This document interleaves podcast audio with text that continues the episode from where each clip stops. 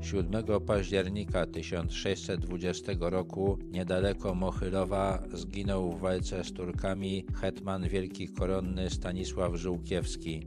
2 września 1620 roku wkroczył do Mołdawii, chcąc wesprzeć gospodara Gracjaniego, który zamierzał zerwać zależność lenną Mołdawii od Turcji. Miał około 8 tysięcy żołnierzy. Część stanowiły wojska regularne, tak zwane część prywatne wojska magnackie, a część Lisowczycy. Formacja najemna stworzona przez pułkownika Aleksandra Lisowskiego. Żółkiewski uwierzył informacjom Gracjaniego i błędnie uznał, że siły tureckie w Mołdawii są niewielkie. Gdy doszło do spotkania z armią Iskandera Paszy pod Cecorą, okazało się, że jest ona pięciokrotnie liczniejsza. Mimo to wojska Żółkiewskiego przez dwa dni toczyły tam z powodzeniem bitwę z Turkami. Hetman zamierzał walczyć nadal, ale wobec sprzeciwu magnatów, a zwłaszcza księcia Samuela Koreckiego, który postanowił bez